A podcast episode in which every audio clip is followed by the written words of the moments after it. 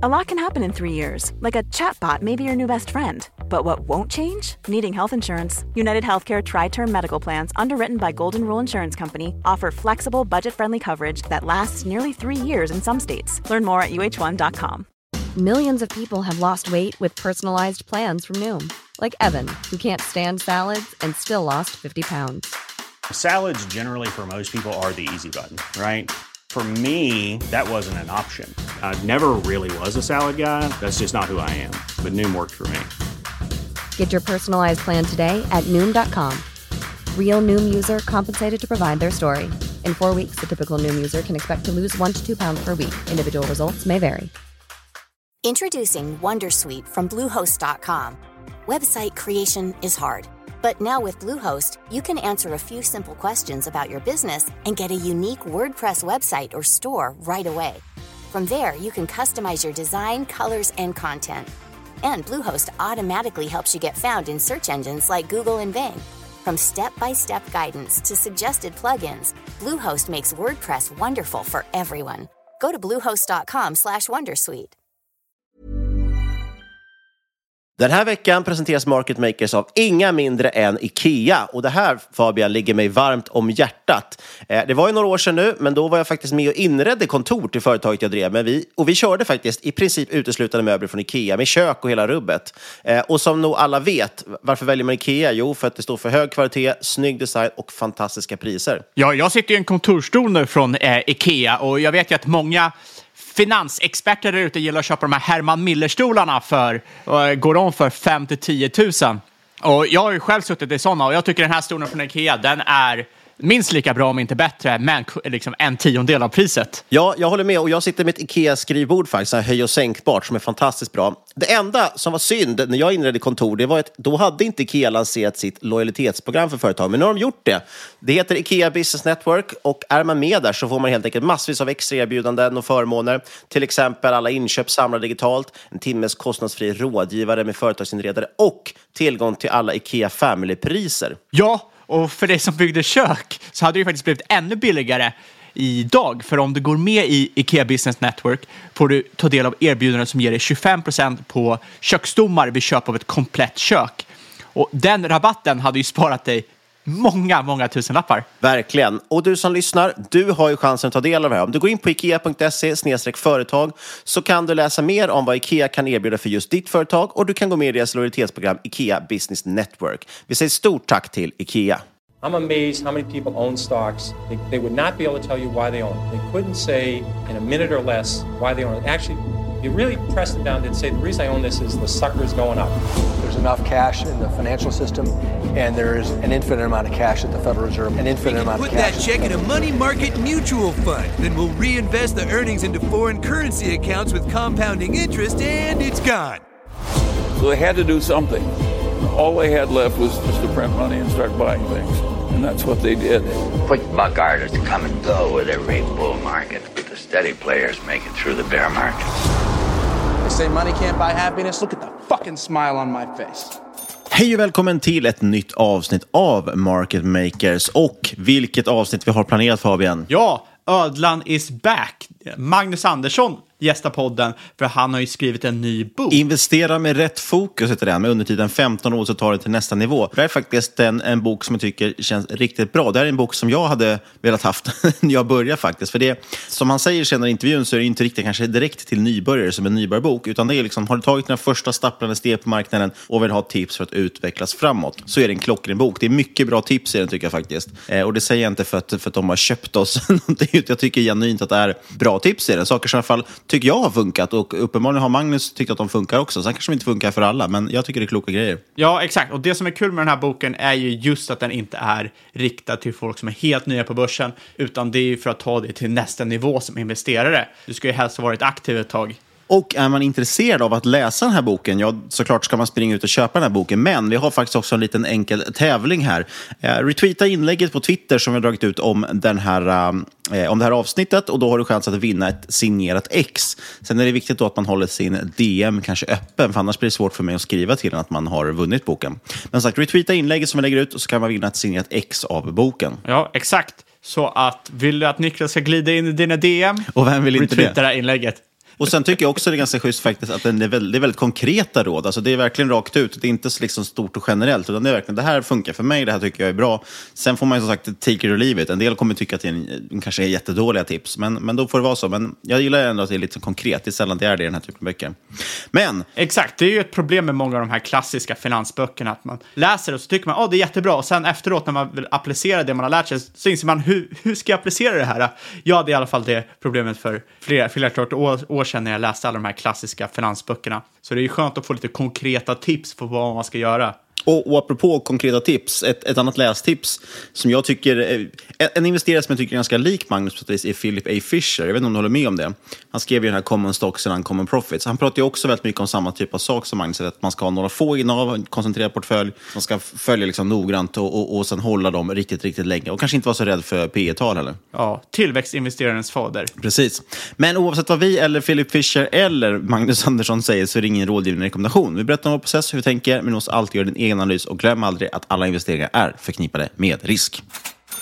Det här avsnittet är sponsrat av Fidelity International. Och Fidelity International, ja, det är det internationella investeringsbenet till Fidelity Investment som grundades 1969. Samma år som de öppnade sitt Tokyo-kontor och blev därmed den första kapitalförvaltaren att erbjuda en global aktiefond till japanska investerare. Asien har alltså länge varit ett fokusområde och man är idag verksamma i hela Asien. Asien är trots allt mer än bara Kina och Indien och man har ett extremt stort utbud av fonder för exponering mot diverse marknader, sektorer och strategier. Det innebär alltså ett extremt stort fondutbud med lokal kännedom i en marknad som utgör över 60 procent av världens befolkning. Hela Fidelity Internationals utbud hittar ni på deras hemsida fidelity.se eller på någon av de stora handelsplattformarna och försäkringsbolagen. Så gå in på din bank och leta upp någon av Fidelitys många fonder redan idag. Kom ihåg att alla investeringar kan både öka och minska i värde. Det är viktigt att läsa prospekt samt KIID-dokument och investeringar på tillväxtmarknader kan vara mer volatila än i mer utvecklade marknader. Vi säger stort tack till Fidelity International.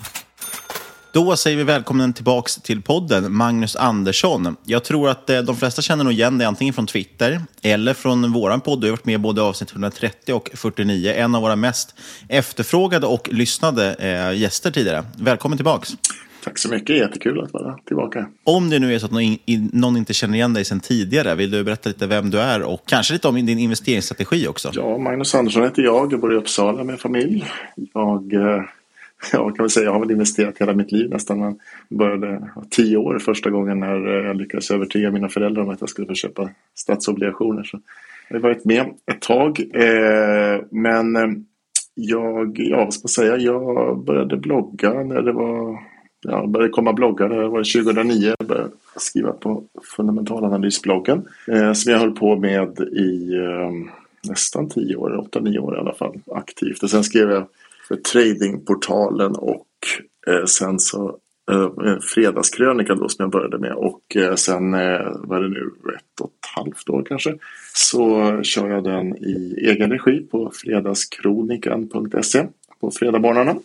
Eh, en jag, eh, ja vad ska man säga, jag är ekonom från början. Jag eh, jobbade med inköp i många olika funktioner i olika länder i nästan 20 år.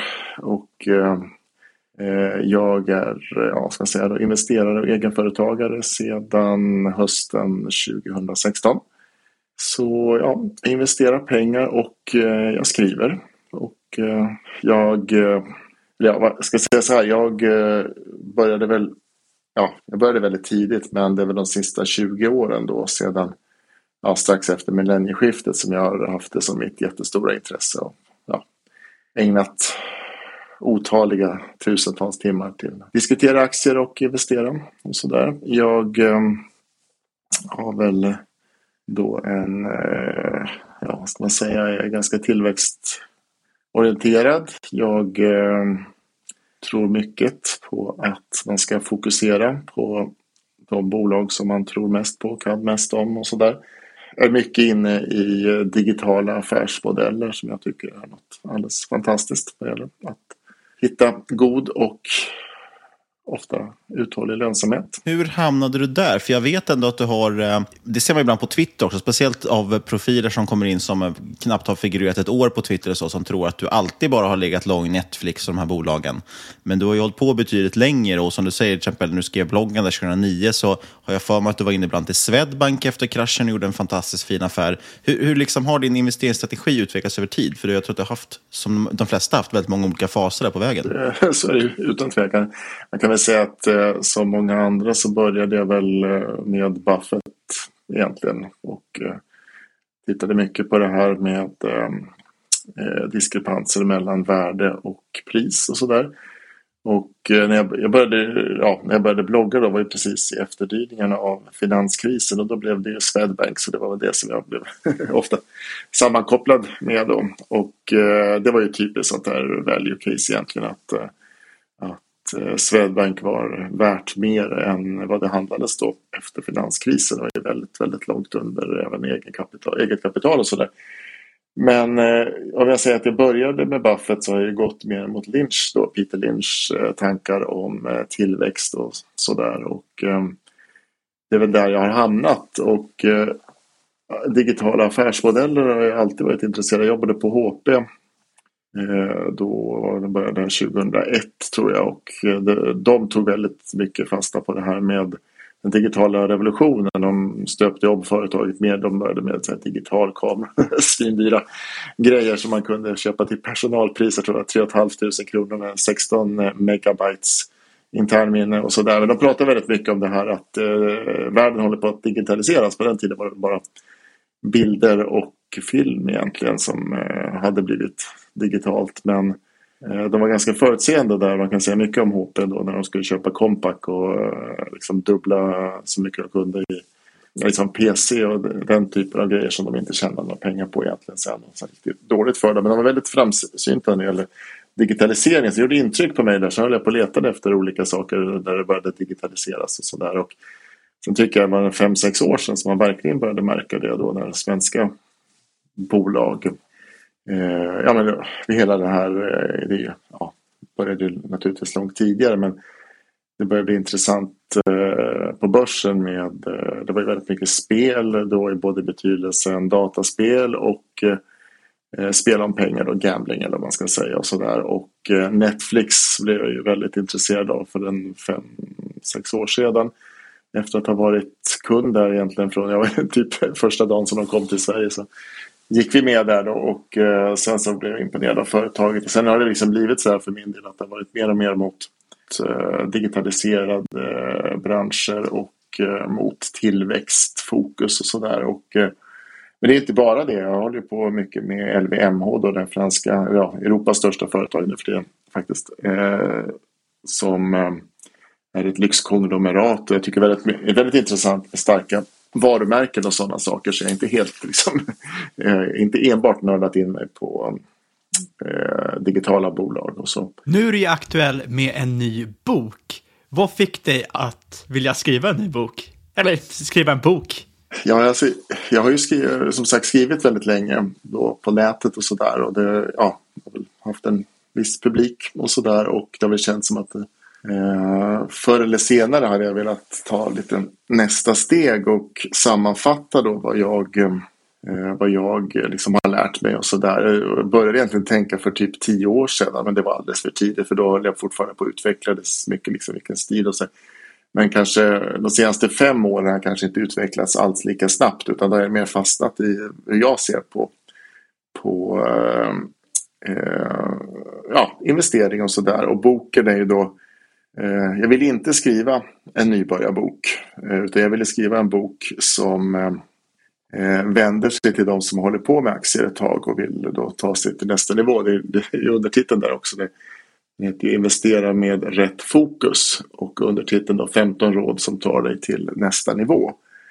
Och jag menar inte att den inte kan läsas av de som är nya med aktier men själva målgruppen är ju då de som har hållit på med att investera i ja, enskilda aktier då om man säger under en period. Och eh, eh, den eh, ska man säga, gör kanske lite grann upp med det som är liksom de här råden som säkert är utmärkta som går till de som börjar med aktier då så här att man ska sprida riskerna med väldigt diversifierad portfölj med många bolag, många branscher, Eh, gamla bolag med lång utdelningshistorik och den typen av grejer. Och för det, men det är jättebra råd när man är ny och osäker och sådär men eh, jag har känt att det började hända saker för mig i alla fall när jag successivt började liksom lämna, lämna eh, den här vad ska man säga, ja, gå, gå lite mer mot en fokuserad investeringsstil. Där eh, man lägger betydligt mer intresse och betydligt större fokusering i portföljen eh, på de bolag som eh, man tror mest på. Förhoppningsvis kan mest då och sådär. Och, och ja, för den som är liksom beredd att lägga en hel del, alltså den tid som krävs egentligen för att sätta sig in i ett bolag och så. Och så är det utan tvekan bättre att Eh, fokusera sig för att eh, även om det blir en större bolagsrisk så minskar ju risken påtagligt när man kan bolagen väldigt, väldigt väl och man förhoppningsvis kan ha kontakt med bolaget. Det går kanske inte om man investerar i Apple och Netflix då, men, men i alla fall i svenska bolag så går det alldeles utmärkt att få kontakt med dem och följa dem väldigt noga. Och eh, ja, i det fall som det inte blir som man hade tänkt sig så är man ju förmodligen bland de, ja man är väl inte den sista som upptäcker att det börjar gå dåligt om man följer dem noga. Så hela, hela boken egentligen handlar ju om eh, hur man eh, kan då ja, arbeta med att fokusera sina Eh, sina innehav och den tid som man lägger på, på börsen och sådär. Och, eh, Eh, det betyder kanske inte att man liksom hela tiden måste lägga oerhört mycket tid. Men eh, liksom i början med nya innehav och i början så där så måste vi lägga mer tid. Och sen eh, i takt med att man har lärt sig mer och så där så går det ju att dra ner på det där kanske. Man ska inte hålla på med börsen jämt. Det är ingen som mår bra av det på något sätt. Så det är inte så jag menar att man ska liksom ha det här som ett heltidsjobb eller att man ska ha det som någonting man lägger fem timmar om dagen på. Det kan man göra om man vill men det är absolut inte nödvändigt att gå riktigt så långt. Din bok är uppdelad i tre delar med flertalet råd i varje del. Eh, jag tänkte vi kanske snabbt skulle kunna hoppa in på de här delarna så kan vi ge en liten pitch vad de handlar om till, till lyssnaren. Och den första delen heter ju Hur kan jag förändra mig? Vad, vad menar du med den här delen? Det är nog svårt för kanske många att ta till sig att det kan vara fel på dem snarare än på börsen. Ja, det, är, det är alltid det där att man, eh, man har ju lätt att hitta, hitta fel på omgivningen och sådär innan man hittar fel på sig själv och sådär. Men jag tror att eh, det, är inte, det här är absolut ingenting som bara jag eh, liksom har kommit på eller gör sådana anspråk överhuvudtaget. Utan det är, väl också, det är väl ganska känt nu och det är flera andra som Kristoffer Andersson till exempel har skrivit två böcker som är jättebra om, om eh, börspsykologi och så att det är ju liksom så att vi är ju inte riktigt skapta för att investera pengar. Vi är skapta för att vara ute på savannerna och, och eh, jaga och samla och sådana där saker. Och eh, eh många utav de ins, instinkter som vi har, vad ska man säga, har har ärvt då ifrån våra förfäder och så där är ju kanske inte då anpassade alls. Då. Så jag pratar om det här med tålamod som jag tror är så oerhört viktigt att man lär sig och det är ju utan tvekan någonting som man, som man kan bli bättre på. Det lär man ju sig ja, men, som oss då som har fått barn och sådär och eh, haft barn ett tag så, så lär vi oss liksom att ha mer tålamod annars så funkar det ju inte. Man måste ha tålamod med barn och det är liksom någonting som man kan träna upp även som investerare att eh, att eh, arbeta med och eh, inse att om man har tålamod på en marknad som är oerhört ja, vad ska man säga, kvartalsdriven och sådär så har man, som jag ser det, man har liksom en större, en större edge då emot eh, marknaden i övrigt än om man, ja till och med om man skulle sitta på olaglig information för att det går så oerhört snabbt hit och dit och eh, marknaden tar ut risker som inte alls är så stora som de verkar vara. De, eh, ja, sticker koleriskt åt, i alla riktningar hela tiden. Men har man liksom tålamod och lär sig också sådana saker som att man inte hela tiden kan oroa sig för precis allting och, och eh, att eh, man inte liksom kan hålla på och lyssna på alla dessa pessimister som finns hela tiden. För det är, liksom, det, är liksom, det är så fint att vara pessimist som investerare. Man ska vara negativ till eh, alla aktier som stiger mycket och får höga värderingar. Det, är, det är så det är fin grej och jag tycker det är, liksom, det är, lite komiskt på något sätt att det verkar som att de som hela tiden är pessimister, de, de, även om det aldrig blir som de säger så, liksom, eh, så behöver de liksom aldrig krypa till korset för det där utan det är liksom så att ja men det är fortfarande, nu är det bara ännu mer oseriös den här värderingen då och vad det nu är för några aktier. Jag menar, jag menar inte på något sätt att det inte finns övervärderade och löjligt värderade aktier och sådär men det är liksom om man ska hålla på och lyssna på pessimister till exempel, oroa sig hela tiden och liksom inspireras av fel personer och sådär, då går det inte så bra och man bör liksom tänka på detta och försöka utvecklas i rätt riktning, att man hittar rätt personer att lyssna på och diskutera med och att man, att man eh, liksom anstränger sig att ha tålamod och att man liksom lär sig att ja men jäklar, när jag satt still här nu till exempel under coronakraschen och det var ju precis precis efter den som vi hade vår förra podd. Och eh, eh, det, ja, jag tror den färg, vårt samtal den gången färgades så mycket av det som hade hänt och hur eländigt det hade känts. Men det hade väl börjat, hade börjat bli lite bättre i alla fall. Och nu innan vi spelade in här så roade jag mig lite grann med att eh, kolla på de eh, tre aktier som vi framförallt pratade om eh, då när jag var med den gången bara för att anknyta till det här med tålamod då att eh, Evolution Gaming då som alltid när jag är med någonstans ska prata så mycket Evo den är upp eh, 216 procent sedan valborg 2020. Eh, och sen pratar vi mycket om LVMH, de är upp och det här är alltså det här är absolut inte från bottennotering, det här var ju då kanske en och en halv månad efter bottennoteringen som vi pratade. LVMH är upp 103 procent och Netflix är upp 65 procent sedan dess.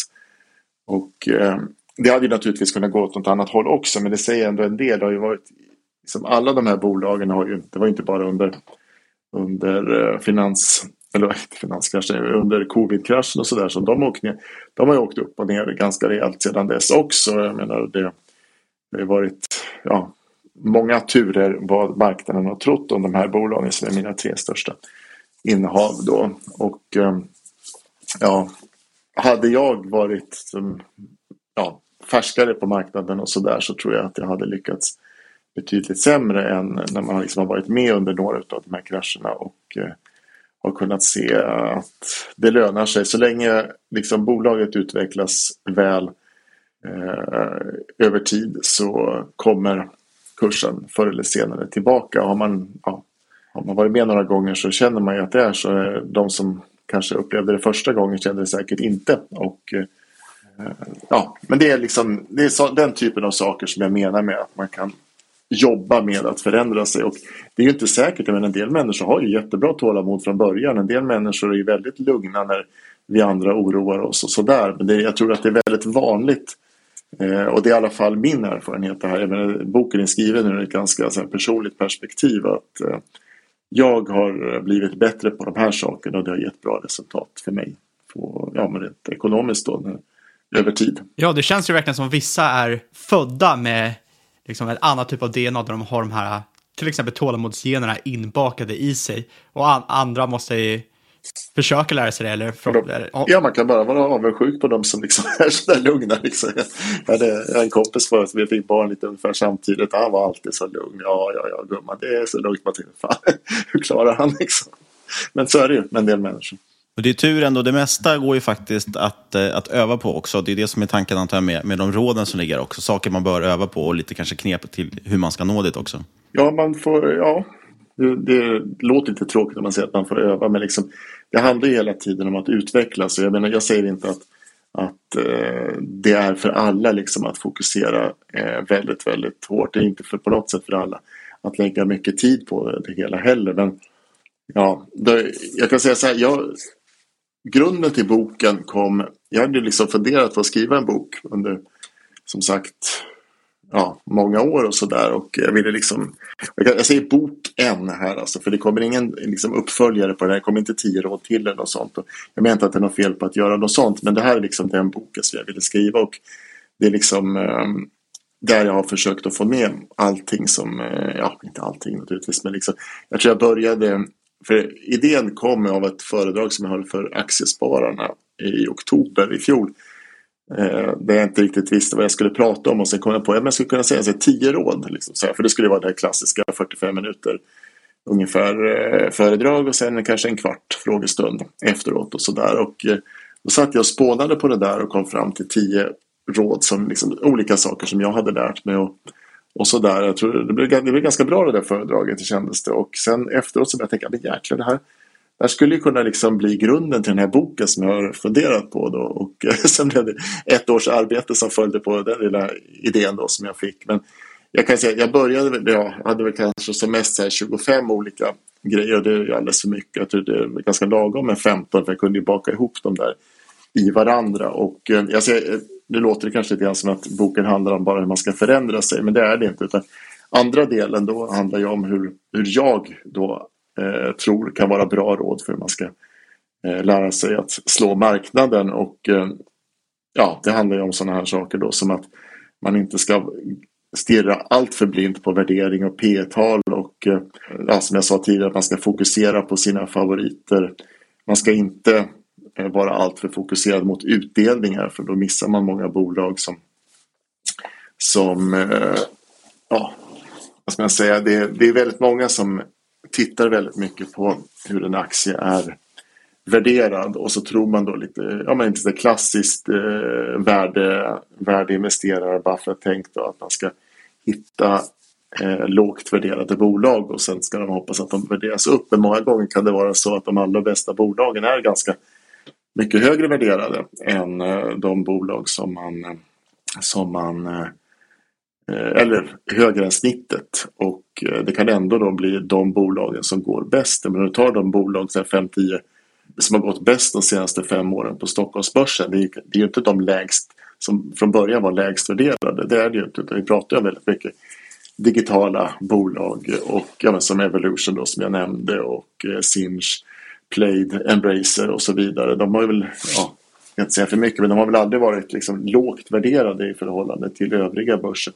Men det är också de som har dubblats och dubblats och dubblats igen.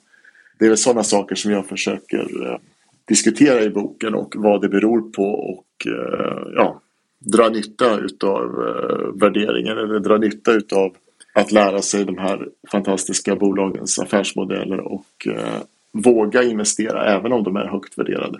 Men om man tar det, för du var inne på tidigare att du tittade mer på värde, liksom var mer värdefokuserad förut. Hur kommer det sig att du gjorde den förändringen? Är det enbart för att du såg att resultaten kommer de här, liksom de här bra bolagen som var högre värderade eller finns det något annat tänkt där? Och tar du någon hänsyn till värdering idag? Finns det någon värdering som kan vara för hög? Och i sånt fall, vad grundar du värderingen på? Ja, men värderingen måste man alltid sätta i förhållande till vad man tror bolaget har för utsikter. Eh, att Eh, fortsätta utvecklas i rätt riktning och så. Och eh, det, jag tror det är väldigt, väldigt farligt att titta för mycket på eh, liksom exakt vad, vad det ska vara för p-tal och så vidare. Utan man måste liksom ställa det i, i relation till vad som är en rimlig tro på hur företaget kommer att fortsätta utvecklas. Ett bolag som dominerar i sin bransch, allt annat lika, förtjänar ju en högre värdering än ett bolag som slåss emot eh, Eh, Eh, många konkurrenter. Är, eh, verkar bolaget i en bransch som, är, eh, som växer väldigt kraftigt så är det rimligt med en hög värdering. Verkar, eh, har bolaget en väldigt eh, säker affärsmodell så är det naturligtvis eh, ska det bolaget vara högre värderat. Och jag tror att överhuvudtaget, och det är väl egentligen samma sak som Buffett har liksom glidit åt det hållet också i, under en i hans fall under en väldigt lång period och ganska väldigt långsam rörelse. Däremot att man gör nog inte de bästa affärerna i de lägst värderade bolagen utan man ska liksom betala rimligt för de allra, allra bästa bolagen. Och eh, det finns jättemånga bolag som är för högt värderade men då är det ju väldigt ofta sådana som ännu inte liksom har visat riktigt. De har liksom väldigt höga förväntningar på det här bolaget och det ser vi hela tiden hur olika Ja, men ta det här, du kommer inte ens ihåg vad de heter, det här bilföretaget som är värderat mycket högre än Daimler som har sålt 100 bilar eller någonting i den stilen. Jag menar, där har ju liksom värderingen, det kan ju mycket väl fortsätta, det, jag säger inte det, men liksom den typen av värdering är något helt annat än vad liksom Evolution som är fullständigt dominanta. Vi snackar liksom om ja, 60, 70, 80 procent, det är svårt att veta, liksom, av världsmarknaden för eh, live-casino nu också är inte riktigt lika dominant vad det gäller slottar och sånt. Men liksom vad gäller live-casino är helt dominanta på en oerhört lönsam, oerhört snabbväxande eh, marknad. Eh, och värderas kanske på nästa år till 35 gånger vinsten eller någonting i den stilen. Det går ju inte liksom att säga att det skulle vara, eller för mig, för mig det, det liksom helt vansinnigt att tycka att det skulle vara ansträngd värdering. Sen kan allting hända, det kan vi inte veta, vi kan inte veta liksom mycket mer än att solen kommer att gå upp imorgon. Men vi, ja, om man gör en rimlig bedömning och eh, så utifrån flera olika parametrar så känns det ju som att många utav de bolag som vi har i Sverige som har liksom Eh, mycket tack vare ofta då eh, digitala affärsmodeller fått en väldigt stark position på sin marknad. De känns inte ansträngt värderade i många fall även om de råkar ha höga PE och så vidare. Och man måste ju inse att om man köper ett bolag som kanske växer med 50 eller 100 procent per år i sedan flera år och verkar kunna fortsätta växa på det sättet då köper du någonting fullständigt annorlunda än om du köper ett klassiskt svenskt industriföretag som växer med 5-10 procent per år. Det går ju liksom inte att jämföra dem samma dag överhuvudtaget. Det är två helt olika saker. Och du kan inte jämföra ett bolag som kanske har 50, 60, 70 procents ebitda-marginal men ett bolag som har liksom 15 procents eh, marginal. marginal måste liksom... Ja, sen naturligtvis allting måste vara rimligt men man måste förstå att det är två helt olika fåglar de där två eh, bolagen och eh, jag tror att det, det, vad ska man säga, om man tjatar om boken där men liksom, bo, min bok är liksom, jag vill liksom ge ett annat perspektiv än vad en del då kanske var väldigt, eller kanske säga ganska många eh, predikar då. Och eh, sen får man ju liksom ta till sig det man vill och eh, jag säger inte alls att det här liksom fokuserad eh, investeringsstil passar alla på något sätt. Men det finns ändå någonting där och som sagt det här är inte på något sätt bara mina egna tankar. Man kan ju se, vi är ganska många bland de som har hållit på väldigt länge med aktier och eh, som det har gått bra för som har väldigt liknande tankar i detta det är inte så många av de som liksom håller på ett par decennier och eh, liksom, ja, tjänat mycket pengar på aktier som har haft liksom 15-20 innehav. Eller haft någon sån här, eh, som jag tycker är väldigt farlig inställning att ja, om, jag går, om det går över 10% så säljer jag alltid av för jag vill alltid ha mer än 10% För jag menar, visst är du liksom väldigt så här försiktig och du kommer ju, ja, det kommer ju inte att gå åt pipan om man gör sånt men det är väldigt svårt om du liksom säger att du har 10 innehav eller 15 innehav och två utav dem är, för att ta aktier då, som jag inte äger dem, men som Plaid och Sinch här för några år sedan. Och sen har du kanske fyra aktier som inte går bra varav två går riktigt dåligt. Och du bestämmer dig för att du inte får ha mer än 10 eller 12 procents exponering i dem. I något bolag överhuvudtaget. Då har du liksom Sinch och Play där som utvecklas alldeles fantastiskt och det enda du gör egentligen är att hålla på att sälja av de aktierna. Visst, du får ju loss pengar men du kommer ju säkerligen inte att investera de pengarna i eh, liksom två så fantastiska liksom, case. Och eh, då är det, det är liksom svårt att få någon riktig snurr på sina investeringar om man inte vågar liksom eh, ha en större tyngd. Nu menar inte jag att man ska ha 100% i någon av dem. Naturligtvis inte men i takt med att man känner sig liksom mer varm i kläderna som investerare och eh, ja, naturligtvis också mer säker på ja, de vinnare man då tror sig ha, har hittat så kan det vara en väldigt bra idé att öka det och man kanske börjar med att gå med 20 i ett så här superinnehav som man har eller kanske känner sig bekväm med 30 kanske en vacker dag 40 i ett bolag. Därav varav säkert en hel del är då inte att man har investerat nya pengar utan att man har utan att eh, innehavet då har vuxit väldigt kraftigt. Eh, om man liksom gör det och ständigt håller koll på bolaget och är kritisk och håller koll på nedsidan och allting sånt där. Då kan helt enkelt resultatet bli väldigt, väldigt bra. Och det kan bli bra även om du någon gång då har totalt överskattat ett innehav. Men att du följer det så pass noga att ja, du börjar se de där varningssignalerna och kanske börjar minska och så där. Kanske inte bland de första som gör det men i alla fall inte någon av de sista som säljer av då om, om eh, Eh, det, det bolaget börjar gå sämre. Nej, det blir ju ett, ett problem framförallt som du säger, eh, om, om man har en sån bestämd strategi att också att man får ha 10 säger vi varje innehav och så går några bra, då skalar man ner dem och några går dåligt och så skalar man kanske upp dem. Då blir det ju det här klassiska som Lynch säger, att man, man vad är det, vattnar ogräset och klipper solrosorna det man kan ta med sig där också, eller som jag funderar på också, för vi pratade lite om det här kring med värderingar och du säger att det ska ju vara rimligt ändå och ofta kanske folk gör misstaget. Kollar man på till exempel ett bolag som Evolution, kollar man på ett historiskt P tal och då är det väldigt, väldigt högt. Men som du säger måste man kanske kolla framåt på det. Men det är fortfarande folk som ryggar tillbaka, även om man säger att nästa års P tal skulle vara 35, säger vi, så är det folk som ryggar tillbaka. Hur, hur ska man tänka kring det där och hur, hur vilken typ av nyckeltal kollar du på? Alltså hur mycket vikt lägger du vid värdering? Vilka typer av nyckeltal kollar du på? Vilka tycker du är intressanta? Jag har ju då eh, turen eller oturen att jag inte är någon siffermänniska. Eh, jag, vet, jag vet att ni, har, ni, ni pratar ju väldigt mycket om den typen av grejer och sådär. Jag, eh, jag fick ju läsa på lite grann om det här då när jag skulle skriva boken och sådär. Men det här hur det funkar med vänstra och högra hjärnhalvan och sådär. Och eh, det är väl så att de vänstra är dominansen och väldigt duktig på siffror och sådana saker. De, de högre dominansen man mer duktig på sådana här saker som eh, logik och eh, ja, liksom se samband och den typen av grejer. Och eftersom jag utan tvekan tillhör den, den eh, andra kategorin där så har det för mig det har varit en fördel för mig som investerare att, att ofta har liksom det har gått bra för mig att eh, titta, liksom, kolla på alla parametrar i bolaget. Jag utgår hela tiden ifrån Eh, det viktigaste för mig är att förstå vad exakt är det, det här företaget håller på med. Det är liksom där början det, det är liksom där, det, där början är för alla case överhuvudtaget för mig. Att jag måste förstå vad är det de håller på med. Okej, okay, de säljer den här typen av grejer. Vilka säljer de till? Jo, de säljer till återförsäljare. De säljer till konsumenter och, och så vidare.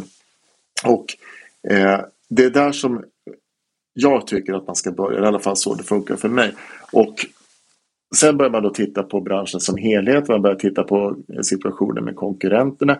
Hur bra är konkurrenterna? Vilka fördelar har det? Och det där är ofta som, det där som det ofta liksom tar slut då för att man börjar titta hela, liksom, vad ska man säga, det, um, man uttrycker det, men liksom, det, det, är nästan alltid då som det kommer upp någonting som inte alls känns bra.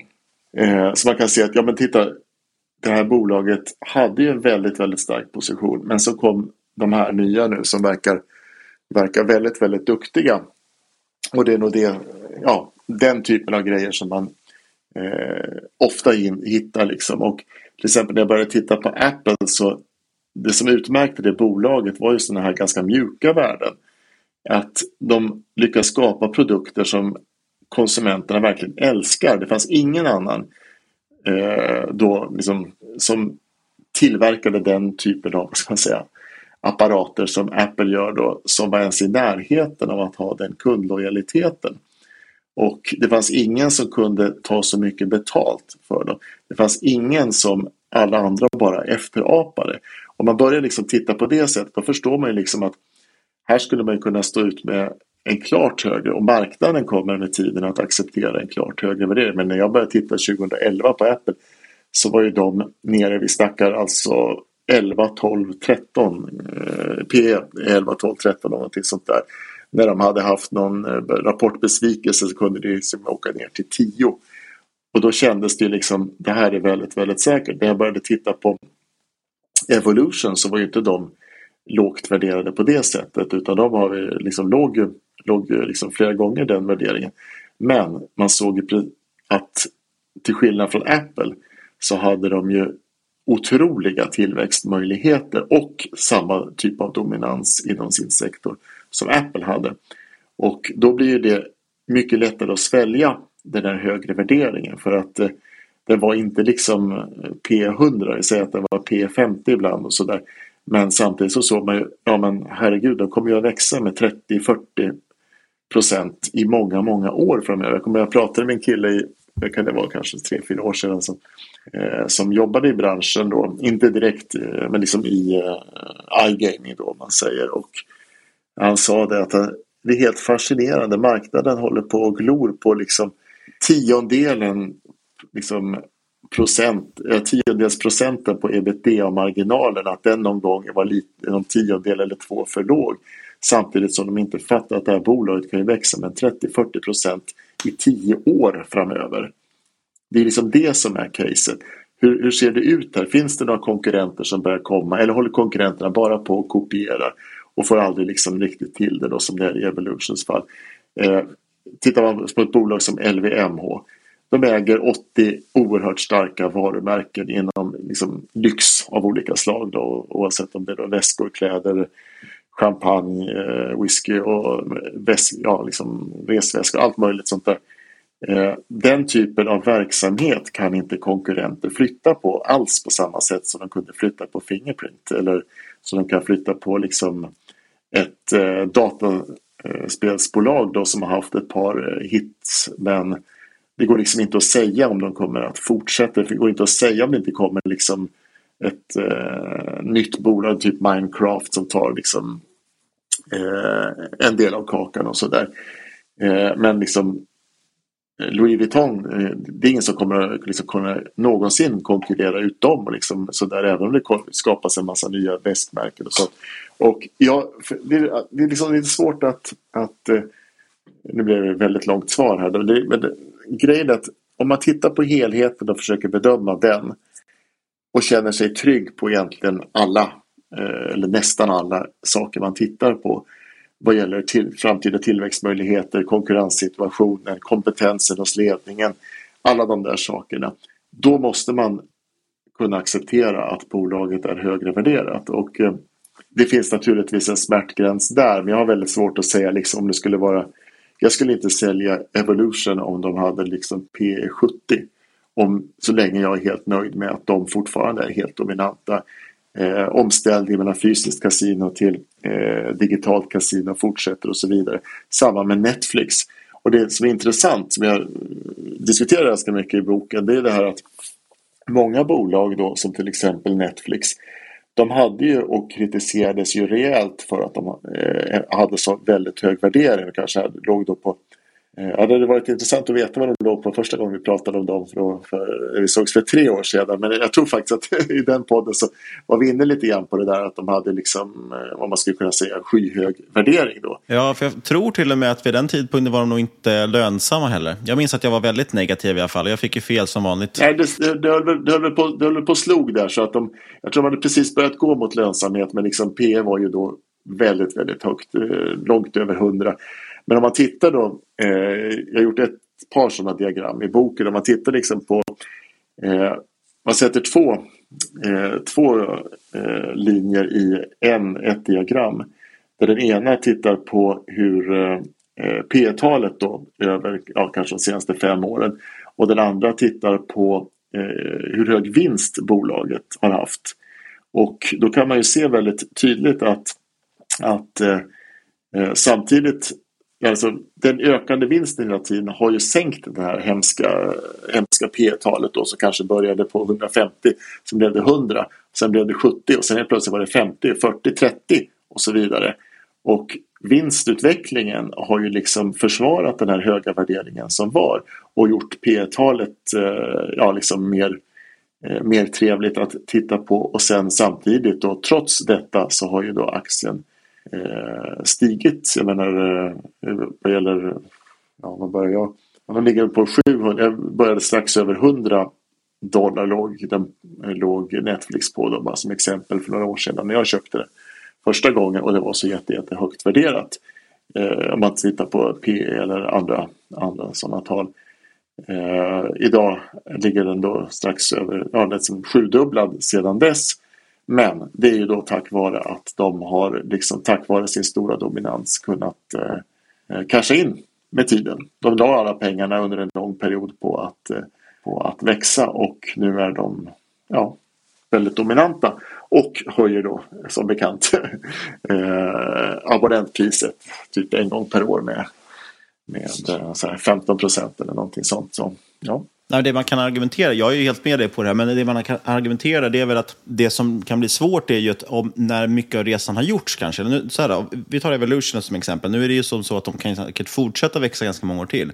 Men det som oftast händer är ju att P-talet nästa år ser väldigt lågt ut, men när man har nått till nästa år då har ju P-talet gått upp tills dess igen, för den uppvärderas ju hela tiden. Eh, så att man liksom försvarar. Men då kan man alltså säga, det är samma i Fortnox. Ja, men Fortnox har alltid handlats liksom till typ P60. Och det är bara det, man får leva med att den är värderad till det. Men du får ju fortfarande den här vinsttillväxten varje år i avkastning. Men det man, det man kan argumentera fall för, det är väl att fallhöjden dock är ju kanske lite högre än de bolagen eftersom det finns ju en risk där. N när man inte infriar de kraven, då finns det mycket högre fallrisk eftersom du dels får med då hela multipelkontraktionen. Eh, och, och håller, håller, du med om den biten? Och... Ja, absolut absolut. Jo, absolut. Och det, det är det som är det farliga. Men man ska inte... Man måste skilja lite grann på det där. Ja, generellt kan man säga, är det högre värderat så kan man ju säga allt annat lika så är det en högre fallhöjd. Så är det ju. Och eh, aktier kan ju som bekant falla även om bolaget går alldeles perfekt bara för att marknaden har, har eh, liksom blivit mer intresserad av det annat. Vi såg ju det här nu från, menar, i våras då, om vi tar eh, framförallt dataspel men även iGaming så var ju marknaden väldigt, väldigt intresserad av dem och sen så, ja, började marknaden titta lite åt andra håll istället och så sjönk många av de här bolagen och det gäller ju Evolution också till viss del. Men man måste skilja lite grann på om eh, bolaget som man äger har en affärsmodell som gör det väldigt, väldigt känsligt för en enstaka eller ett par enstaka händelser. Eller om man har en affärsmodell som till exempel Apple då. Nu är inte de så är vansinnigt högt värderade men om man tittar på dem så det, de kan ju ha, absolut ha ett dåligt kvartal. De har ju problem nu då på grund av eh, alla då komponentbrister och sådana saker som finns. Men det finns liksom inte rimligen någon eh, enskild händelse som skulle kunna sänka Apple. Och det tror jag gäller väldigt många av de bolag som har Eh, en väldigt, väldigt stor dominans på en väldigt säker marknad och så vidare. Det går liksom, om man liksom tänker att skillnaden där är ju så oerhört mycket större mot om du äger något medtechbolag där det liksom bara krävs en misslyckad studie för att det ska vara i princip kört. Eller om du har något, ja det är svårt att liksom komma på, men liksom sånt här saker att det får in, någon viss skandal eller någon viss grej får absolut inte hända.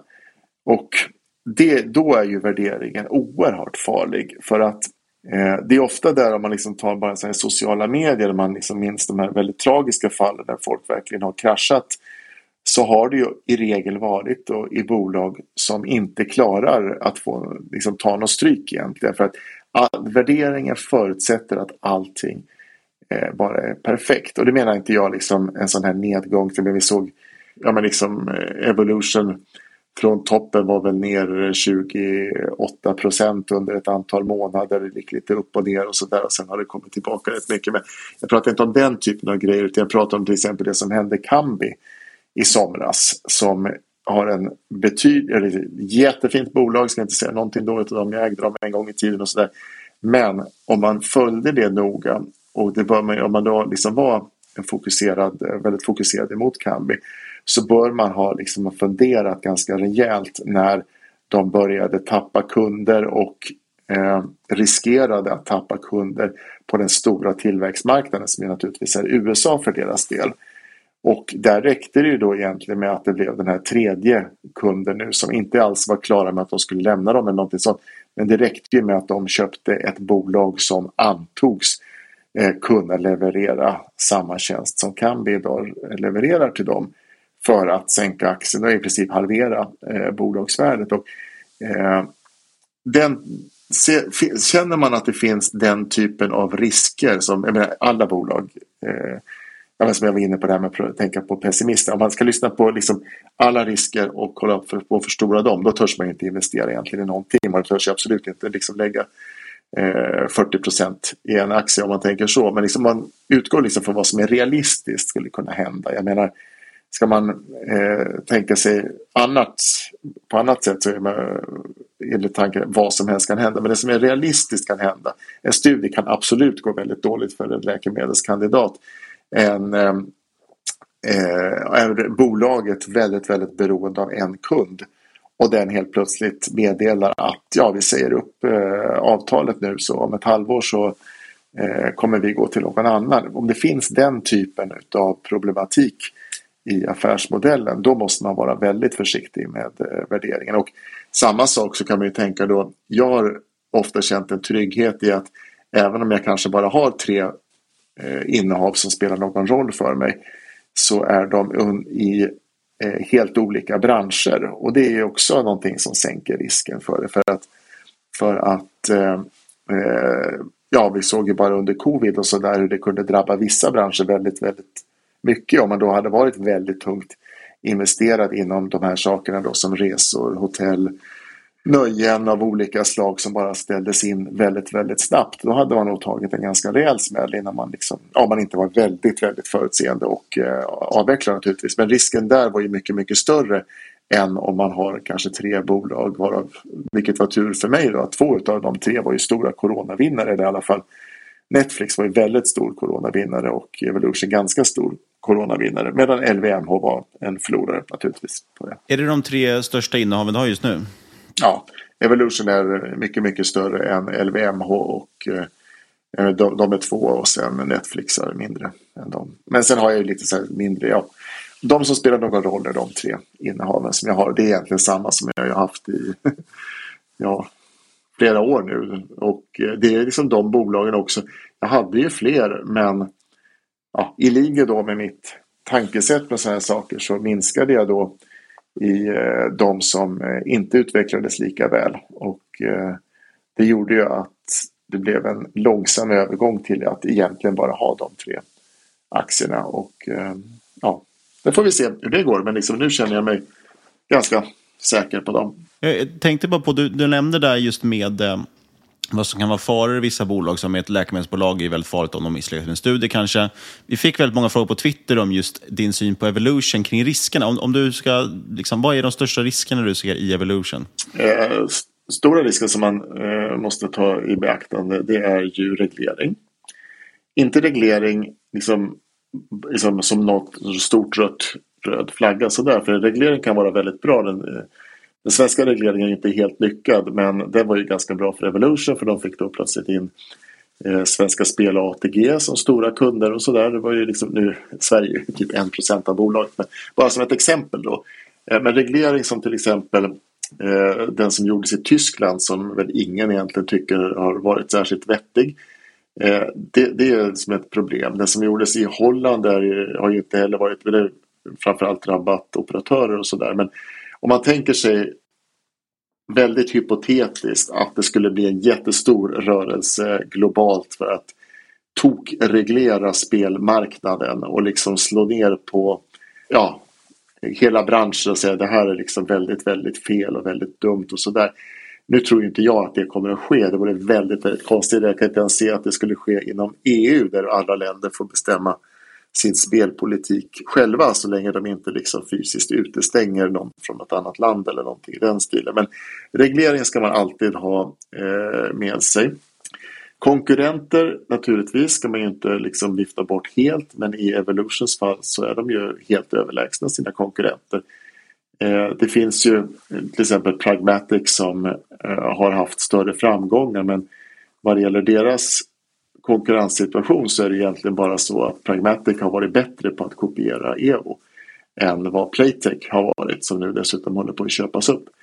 Eh, men eh, det finns naturligtvis det och det måste man följa men i princip så, jag menar vi pratar om att jag säger att Evolution kanske är 8, 9, 10 gånger större än Pragmatic. Det är lite annan situation än om du är en utav tio biltillverkare som har ungefär samma marknadsandel. Det är liksom något, helt, helt annorlunda naturligtvis. Vad tänker du till exempel om det här med reglering av leverantörer som jag hört en del prata om? Att man till exempel på en marknad skulle kräva att ja, men alla som levererar till licensierade operatörer, eh, alla leverantörer som levererar till, levererar till dem, måste, får bara verka till exempel på licensierade marknader har det pratats om, att, att göra någon form av certifiering. Ja, men det, det är ju situationen på de allra flesta marknader. I Sverige sticker ut det lite grann att man lustigt nog man tyckte om att reglera så mycket annat men man tog ingen reglering alls på, på leverantörerna som i USA till exempel som är en dyr marknad att växa på men där Evolution fortfarande har 100% marknadsandel inom live-delen.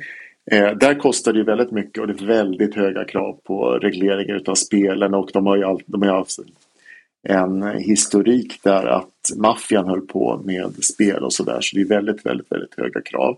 Men på de flesta marknader så finns det redan och ett bolag som eh, i, av Evolutions kaliber har ju inget problem att möta den typen av krav. Utan snarare kan ju den typen av regleringar gynna dem som är liksom bäst. För att de klarar ju det. De klarar ju att ta den kostnaden för att eh, ha folk som jobbar med regelefterlevnad och så vidare. De klarar liksom eh, ja, de, de, står upp mot de kraven än ett mindre bolag som liksom har jättedålig lönsamhet för att Evolution är så pass dominanta och så kanske inte tjänar pengar alls. Eh, de får ju naturligtvis svårare med de här sakerna. Det är precis som vi har sett med bankerna. Det har varit en enorm ökning av regelbördan sedan finanskrisen på bankerna och det har ju verkligen cementerat de här fyra, fyra fem svenska storbankernas eh, starka position. Och eh, det är lite grann som jag också tar upp i boken där då när jag pratar om vallgravar och sådana saker. att Eh, regler kan ju skapa vallgravar för dominanta och duktiga företag. Till exempel inom cigarettindustrin är lite intressant där det blev väldigt förbjudet. En gång i tiden så var det väldigt hård konkurrens på cigarettmarknaden. Men sen när det blev i princip globalt reklamförbud eller mer eller mindre för cigaretter så blev det mycket, mycket svårare för uppstickare att konkurrera. Också de här två, JC Reynolds och Philip Morris, de är ju liksom väldigt, väldigt dominanta idag för att eh, det inte går att göra reklam på samma sätt som bankerna då eh, klarar av alla de här reglerna. Eh, eller de stora bankerna klarar att ha många personer anställda. Ja, det är inte alltid de klarar. De har gjort en del tabbar också. Men liksom, deras dominanser dominans är ju inte, finns ju ingen anledning att klaga på. Om man säger. Du har ju nämnt några gånger nu i avsnittet att du gillar att klippa ogräset och vattna solrosorna. Men också att du har handlat runt lite och viktat om. Hur aktivt handlar du i dina innehav? Nej, det, är inte, det är inte aktivt på det sättet utan det där är över tid. Jag har, jag har väl ibland gjort små justeringar och eh, jag menar, det blir lite grann så där också att man lär ju känna en aktie eh, som är volatil då som Evolution och ibland kan man utnyttja det lite på, lite på marginalen kan man säga då att, eh, att eh, om man har också lite belåning på depån så kan man ju öka när jag ökade nu till exempel när eh, vad är det, tre, fyra veckor sedan när den sjönk så pass mycket utan någon vettig anledning alls. Då ökade jag lite grann och sen klart har jag minskat ibland. Den har stuckit upp och sådär. Så det, där finns det ju en viss aktivitet. Men i övrigt så gör inte jag så mycket. Nej, det kan jag inte säga att jag är absolut inte aktiv. Eh, liksom och köp och sälj och sådär. Utan det är, det är små justeringar bara. Hur viktigt är det för dig med jämn avkastning? Eller är det okej okay med att ligga kvar i bolag även när de både går upp och ner? Som vi tar Evolution som, som exempel, den har ju svängt bara i år så tror jag att den var upp ner 25 procent eller något från topp till botten. Och ibland kan det vara ännu större kast än så. Nej, men det, det är ju priset man får betala. Så är det ju. Ska man vara liksom fokuserad och eh, med förhoppning då att eh, det ska löna sig, eh, ja, förhoppningsvis löna sig väldigt bra över tid. Då är det, liksom, eh, det, där, det, är en, det är en del av det hela. Det är liksom någonting man måste stå ut med. Det finns inget alternativ överhuvudtaget. För alternativet, i alla fall det extrema alternativet, är att man håller på och jagar kursen hela tiden. Man köper och köper när det stiger och så börjar man sälja då en massa när det sjunker. Och så vidare. Och eh, för att man nog inte tycker om att få de här eh, stora svängningarna i depån. Men eh, nej, det, det, finns ingen det finns Och det, det, är också en del av det som jag pratar om. Man måste liksom klara att utveckla sig själv och eh, lära sig att orka med när det, när det svänger på det sättet. För eh, är det så att man liksom mår skit utav att depån svänger 20, 30, ibland kanske extrema fall 40 procent och sådär. Eh, då ska man ju inte hålla på med det på det sättet. Då ska man ju ha mycket mer diversifiering och liksom lugnare investeringsstil och så vidare. Det, det, det, det, får man leva med helt enkelt om man ska hålla på med det här. Det viktiga är ju då att titta på istället om det finns något bra skäl eller liksom ur marknadens synpunkt ett bra skäl till att, till att ehm, eh, en aktie sjunker. När Evolution faller liksom 15 på att man håller på och reglerar liksom dataspelsbolags eh, reglerna för dataspelsbolag, eh, alltså nöjesspel då, i Kina så är det ju väldigt, väldigt fel. För att eh, liksom, eh, spelbolag, iGaming och online casino och sånt där. Det är ju helt förbjudet i Kina. Så det, det har ju liksom ingenting. Det är inte så att eh, ja, nu kommer iGaming härnäst. Men iGaming är 100% förbjudet i Kina. Så jag menar det, eh, det, som, den typen av rörelser som man då, om man liksom har gjort sin läxa och så eh, måste, ja, eller har, goda, har man goda förutsättningar att eh, värdera det bättre än vad kanske de som, ja men det är så mycket algosar och eh, snabba rörelser nu för tiden och eh, man liksom blandar nästan ihop branscher och det handlar, det liksom sänker aktier väldigt, väldigt snabbt på Ja, det kan liksom vara att en konkurrent har problem. Det blir väldigt ironiskt. En konkurrent har problem och så sänker man det andra bolaget. Ja, det kan ju tänkas att det är bra snarare för det, eh, det, det andra bolaget om konkurrenten har problem. Och det är inte ett branschproblem naturligtvis. Men liksom, det, jag, jag ska säga att jag får inte intrycket att marknaden har blivit smartare när det gäller den typen av grejer. Och det gör ju då att man har en väldigt stor fördel om man är väldigt påläst och man, man eh, ja, kan liksom klara av att ha tålamod när, när de här kommer. För att eh, de, ja, i alla fall i sådana här liksom väldigt digitala snabbväxande bolag så kommer ju de där grejerna ganska regelbundet. Det är, liksom, det är bara så. Det har varit en liten halvknackig börs här senaste tiden och jag vet att det är många på Twitter som undrar den här följande frågan. Är det några bolag du sneglar lite på nu? Eller är, dunkar hjärtat fortfarande för de, de stora tre i portföljen? Jag vet ju att många följer dig slaviskt vad du är inne och, och likar och kollar på. Jag vet bland annat att eh, Plaid och Embracer är något du varit lite inne på. Storytel tror jag nämnt. Sen vet jag att vissa av de här ibland nämner du inne i dina barns portfölj. Men är det något du kikar på själv också? Stor, ja, Storytel har ju mina barn anknutit men det är inte alls mycket. Så Embracer har, har de mera utav och Apple. Och så, där, så det skiljer sig ganska mycket eh, sådär. Sen har de jättemycket Evolution också. Så, så det är liksom det, det är inte någon, någon helt, eh, helt olika och sådär. Men jag ska säga, jag försöker, jag försöker hela tiden se om, liksom, man får ju mycket tips och sådär liksom, om bolag och så. Men jag var inne lite grann och tittade på dataspel under det här året och sådär. Men det har varit helt på marginalen. Men det är bara för att jag ja, tycker ändå att det är lite intressant och det är helt digitalt och det finns fantastiskt bra svenska bolag. Eh, alla är inte bra uppenbarligen har vi sett här.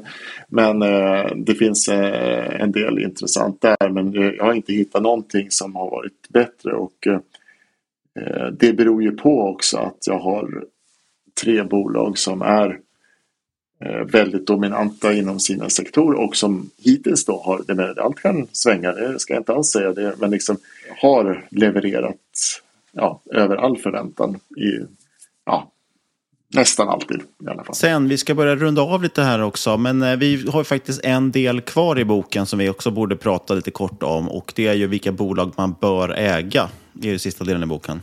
Vi har varit inne på det en del tidigare, men vi kan ändå runda av med att ta den biten också. Ja, men så, jag, jag är ganska, det är väl ganska den, den längsta kapitlet i boken och handlar ju då om eh, det här med digitala affärsmodeller och varför jag då eh, vill gärna trycka på att jag tycker att de är väldigt överlägsna på de flesta, på de flesta sätt. Och, eh, det är egentligen fyra olika saker eh, där digitala affärsmodeller är en av de saker som jag tycker man ska hålla väldigt mycket ögonen på idag och ja, det här årtiondet. För jag tror att det, bara, det kommer inte att förändras någonting. Den andra grejen är ju kanske de mindre spännande. Det är ju då det här med hur man hittar vallgravarna och vad vallgravar är. Då, liksom vad det är som gör att, eh, att eh, vissa bolag har en fantastisk vallgrav emot sina konkurrenter. Och så. Eh, sen en annan sak som jag eh, tror väldigt mycket på, liksom en väldigt bra grej, ganska, ganska självklart, men det är någonting man ska eh, man inte alls får underskatta, det är det här med återkommande intäkter. Det är ja, som sagt ganska självklart, men det, det är då lätt att inte riktigt tänka på det ibland för att man kan liksom tycka det är naturligt med att bolag måste hålla på och leta efter kunder och ha mycket säljare och sådär. Men det är en fantastisk grej som då till exempel är för Evolution då att de har sina kunder och liksom väldigt, väldigt eh, säker intjäning och eh, då de får inte direkt de får ju betalt eh, ja, på provision då ifrån spelarna men att Eh, eftersom de är så pass dominanta och det inte finns några bättre alternativ så återkommer hela, det är liksom egentligen samma personer som tycker att det här är jättekul att ladda in lite pengar på fredagen liksom och sitta och spela och sådana grejer. Och precis samma sak med Netflix och eh, med många andra bolag då som jag vill bara se då vad, hur, hur väl det har lyckats för till exempel ett bolag som Microsoft sedan de började gå över till prenumerationsmodell istället för att sälja liksom, oh, nu kommer nya Office eh, liksom 2007 och så vidare. Istället så har de då den här prenumerationsmodellen och det, det var ju där det började verkligen ta fart efter att eh, Microsoft-aktien hade stått still i tio år eller någonting sånt. Trots jättestora återköp och sådär. Så hände det liksom aldrig någonting med aktien.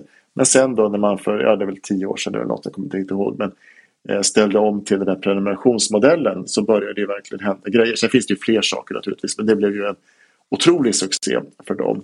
Och den sista grejen egentligen som jag går igenom då det är ju det här med hackar och spadar.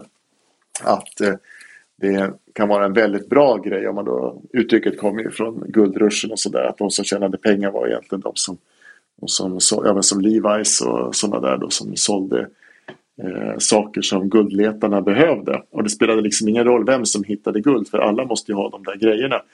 Och eh, det är ju någonting, ja, och det är egentligen en stor del av caset i Evolution också att de levererar till till alla operatörer. Eh, alla måste liksom ha dem. Och det spelar ingen roll, eller lite roll spelar det om någon går i konkurs men liksom, det spelar egentligen ingen roll vilka som blir 1, 2, 3, 4, 5 eller nummer 22 på marknaden. Om, om alla, eller det menar jag inte 100 procent, men säger de allra, allra flesta måste köpa din produkt. Och eh, eh, det här är ju som sagt det här är liksom ganska personlig, liksom, väldigt mycket personliga erfarenheter som jag har haft med eh, på marknaden och så. Men samtidigt så är det ju en viss, ett visst mått av vad ska jag säga, vetenskaplighet i det hela. Att eh, den, de bolag som lyckas eh, bygga upp dominans med de här attributen och så vidare. De går det ofta väldigt bra för. Det är ingen som som eh, kan konkurrera ut Google. Det är Ingen som kommer att konkurrera ut Apple eller Microsoft och så vidare. Sen kanske de inte avkastar lika mycket. Men de har väldigt goda förutsättningar att göra det. Det finns ju väldigt intressant eh, så här, diagram som man brukar se ibland hur stor andel utav det totala S&P 500 som eh, utgörs av de fem största bolagen eller de tio största bolagen. Och då kan man ju se att det var ju en väldigt liten del 1960, jag vet inte när S&P 500 startade, men liksom, om man går tillbaka några decennier så var ju det en väldigt liten del. Men det är väldigt intressant att se att de här stora bolagen som har liksom, eh, ja, väldigt, väldigt säker affärsmodell ligger liksom ständigt rätt i tid och så vidare. De största bolagen eh, lyckas ju dominera mer och mer och ta en väldigt stor del av det totala indexet. Vi fick en Twitterfråga här också om ett champagnetips inför nyår. Har inte så mycket med investeringar att göra kanske, men eh, konsumtion i alla fall. Köp krog, det är fina grejer det. Det är LVMHs eh, flaggskepp på champagnemarknaden. Hade inte vi den här frågan för ett och ett halvt år sedan också? Jag ger precis samma svar. Ja, det är säkert. Den, den brukar komma varje gång inför nyår skulle jag vilja säga. ja, det, det, kommer alltid ett nyår snart, alltså, kan man säga. det är bara frågan om eh, tidsperspektivet. Nej, men jag, jag har snöat in lite grann på krogen och det har ju bara delvis att göra med att det, det är um, eh, LVMH-ägt och sådär. Men jag tycker man kan bli lite skadad, lite synd där om man, om man lägger lite väl mycket pengar någon gång sådär på, på champagne. Jag hade precis samma, jag var väldigt intresserad av whisky så här med eh, single malt whisky. När det började bli populärt på 90, slutet av 90-talet så jag var student så, så var vi några stycken som var väldigt intresserade. Så där. Vi köpte eh, långt dyrare ibland. Men när man köpte bara en flaska var så kunde man ju sitta och, och dela med varandra då, så där, och provsmaka. Men jag kommer ihåg när jag läste i Tyskland där jag lyckades köpa en 25-årig Macallan som eh, stod högt uppe på en hylla. Det kostade lika mycket som hyran på studentrummet var. Alltså, jag snackar ju tydlig överkonsumtion. Men eh, jag kommer ihåg hur hemskt det blev då när jag smakade denna eh, helt osannolika eh, eh, whisky som på den tiden ändå bara kostade typ eh, 1500 kronor. Idag kostar en sån flaska liksom 15-20 tusen kronor i dagens version av den. Då. Men jag hade lite otur att jag köpte den där och den smakade så gudomligt gott. Jag brukade dricka den bara på mina födelsedagar under ett antal år där. Men det förstörde lite grann whiskyintresset också för att eh, då jämförde jag ju allting med den och då, då smakar ju allting lite sämre. Och det kan väl bli lite grann så med, med champagne också. Men, eh, om man eh, dricker de allra bästa så där så kan ju annan champagne då som ändå är jätte, jättefin kan smaka mm, inte lika fantastiskt som den kanske gjorde för en för några år sedan. För att avrunda den här intervjun brukar vi alltid ställa frågan vad är din bästa eller sämsta investering? Men eftersom du har varit med i den här podden ett antal gånger så blir det liksom lite som förra frågan, lite återupprepning. Så jag tänkte snurra till det lite och ställa frågan vad är ditt största misstag du har gjort på börsen? Och det kanske går lite mer hand i hand med boken. Ja, det som jag tar upp i boken är ju Leo Vegas. Jag vet inte om det är det största. Jo, jag, jag tror faktiskt att jag, att jag hade en... Eh, jag, hade ju, jag var ju mycket inne i... Jag var oerhört imponerad av Leo Vegas 2016 eh, och 2017. Och var inte observant för varningsflaggor. Och där var det ju mycket regleringen som de ställde till det för dem och sen var det då de här ganska stora eh, köpen och förvärven som de gjorde i Storbritannien. Och sen kom det en massa ny reglering i Storbritannien. Det blev en dålig grej. Och det, det där skäms jag lite grann för också. För att eh, det här med, med eh, förvärv är ju någonting som kan ställa till det. Och jag, jobb, jag jobbade ju eh, sammanlagt i fem olika bolag och två av dem eh, förvärvade egentligen sin största konkurrent. Och i båda fallen så gick det dåligt eh, för, för bolag. Det ena var ju då eh, HP som köpte Compaq. Men eh, där tycker jag att jag borde ha varit eh, mer skeptisk. Framförallt när det ganska snabbt blev klart att man egentligen hade betalat alldeles för mycket. Och sådär. Och, eh, men det blev oerhört lärorikt. Det var väldigt, väldigt plågsamt. Det, det här var ju 2018. 2018 blev ett väldigt dåligt år för mig. Eh, inte minst sen på hösten när eh, det var massa tro på att räntorna skulle stiga och alla de här tillväxtaktierna sånt där som jag tycker om. Då, de sjönk ju, men det sjönk ju löjligt. Men även Apple och eh, Netflix som gick jätte, jättebra. Båda bolagen det var ju rena blodbad man, eh, hela den liksom, oktober, november, december ända fram till annandag jul då när börserna öppnade i USA. Det plötsligt vände och sen stack det upp igen. Men det är svårt att säga att det var ett misstag. Men eh, hela den grejen där 2018 var, ja, det var ett dåligt år för mig. Och det största anledningen var egentligen Leo Vegas. Så det får jag säga. Att det, det var det största misstaget. Men eh, ja, det var George Soros som jag citerar i boken där. Att han säger att det spelar ingen roll egentligen hur många gånger du får rätt och fel. Det som verkligen spelar roll det är hur mycket pengar du tjänar de gånger du får rätt och hur mycket du förlorar de gånger du får fel. Och det är som alla de här riktigt gamla stötarna där de säger liksom så här, man, ju längre man håller på med aktier och sådär desto, ja, desto mer inser man ju hur, hur rätt sådana där saker är. Liksom att, att eh, vi gör alla fel, vi, vi hoppar på fel häst och sådär men lyckas man, och jag ska säga jag satt ju inte hela vägen ner på något sätt i Leo och det var ju min räddning egentligen att jag hoppade av. Men det blev dyrt men det blev inget liksom så katastrofalt. Så ja, liksom Fingerprint dyrt. jag har aldrig ägt Fingerprint men jag, jag, vet ju att för många var ju det den stora, stora katastrofen. Och eh, eh, något sånt har jag faktiskt kunnat undvika och det känns ju, det känns ju jätte, jättebra på många sätt. Det, det är svårt att komma igen om man skulle göra någonting sånt där riktigt dåligt. Och det är det som är så tragiskt också. Att det, man, har ju, ja, man har ju träffat på och man har ju sett från sidan flera som har liksom varit eh, inne alldeles för mycket i en aktie med alldeles för stor risk. Och sen, ja, då försvinner de ju. De eh, ledsnar på det hela och sådär. Och det är jättetrist för att eh, investera kan ju bli, eh, det kan ju förändra ens liv fullständigt. Om, man, om det, det är ju inte vad som går spektakulärt bra. Det räcker med att man är duktig på att spara och eh, hitta ja, tillräckligt många bra aktier så ja, det, det är väldigt bra. Och med de muntra orden så avslutar vi det här, eller? Tack så jättemycket Magnus för att du tog dig tid. Jättekul att vara här. Jag kan säga, har vi pratat jättemycket om boken. Det är, det är jättekul för mig att den eh, sålde väldigt bra nu i början. Eh, det är kanske inte riktigt tänkt att den skulle sälja slut direkt. Den, eh, om den som är intresserad nu, det måste jag säga nu, jag har ändå ett förlag bakom mig som förväntar sig att jag, att jag gör reklam och sådär för boken. Men eh, just nu är den ju alltså slutsåld hos alla nätbokhandlare och förlaget och allting sånt. Däremot så finns den i eh, en del enskilda bokhandlar, både de som är anslutna, eller Akademibokhandelns eh, fysiska bokhandlar finns den och eh, man kan också få den till, vad jag har förstått så kan man skicka den till en annan butik om man vill och på bokhandlar som Ugglan. Annars kan man köpa den i nätbokhandel men då är det leverans vecka 52. Bara så att man vet det. Perfekt julklapp ja. Eller nyårspresent kanske. Nyårspresenter. Ja, det är ju det. Fantastiska. Toppen, tack så jättemycket Magnus. Ja, tack. Jättekul att ha varit med. Inget du hört i den här podcasten ska ses som rådgivning. Alla åsikter var egna. LVS och eventuella sponsorer tar inget ansvar för det som sägs i podden. Tänk på att alla investeringar är förknippade med risk och sker under eget ansvar. Stort tack till Fidelity. Gå in på Fidelity eller hos din nätmäklare för att säga hela Fidelitys utbud. Ja, och tack till Magnus som gästar podden. Och dessutom tack till Magnus och förlaget som också har med en signerad bok av Magnus som man kan vinna genom att retweeta inlägget med det avsnittet på Twitter. Så gå in på Twitter, eh, marketmakerspod och retweeta det här avsnittsinlägget. Där kan du också hitta länkar till våra privata Twitters. Vill man inte kontakta oss via Twitter så finns ju också podcast at MarketMakers.se som vanligt. Och sist men absolut inte minst, stort tack för att du har lyssnat, kära lyssnare. Vi hörs igen om en vecka.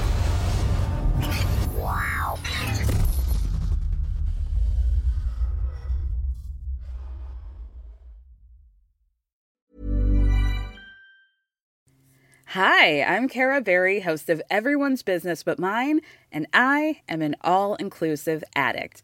Enter Club Med, the best all inclusive for you and your family. With resorts worldwide, from their family flagship resort, Club Med Punta Cana, to their only mountain resort in Canada, Club Med Quebec, they have everything you need to relax. With their 20 plus sports activities, wellness programs, you can dine on delicious cuisine and make memories with your family. So book your next getaway with Club Med. Visit clubmed.us or call 1 800 Club Med or your travel advisor.